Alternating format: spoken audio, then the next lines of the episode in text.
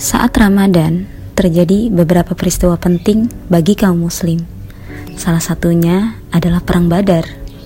Saat kaum muslim hanya berniat mengejar kafilah dagang Abu Sofyan, Allah menghadapkannya dengan pasukan yang lebih besar. Seribu orang disongsong tanpa takut. Walau hanya dengan alat tempur seadanya, meski dengan jumlah pasukan yang jauh lebih sedikit, mereka tidak takut.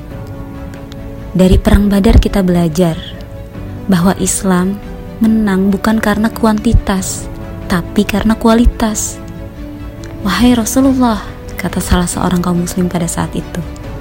Sesungguhnya kami ini bukan seperti kaumnya Musa yang membiarkanmu berperang sendirian. Jika engkau akan berperang, maka kami rela mati untukmu.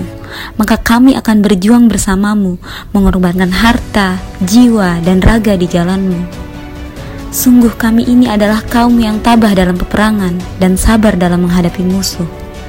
Kami mendengar dan taat kepadamu dalam susah maupun senang, dalam sempit maupun lapang. Bahkan jika engkau terjun ke laut, kami akan terjun denganmu ke laut yang sama. Maka Rasulullah memutuskan untuk pergi berperang. Sungguh, ahlak kaum muslim saat itu adalah sebaik-baik teladan. Hanya mengharapkan akhirat daripada dunia dan mentaati Rasulullah secara mutlak. Sungguh tiap-tiap generasi berjuang dengan caranya masing-masing.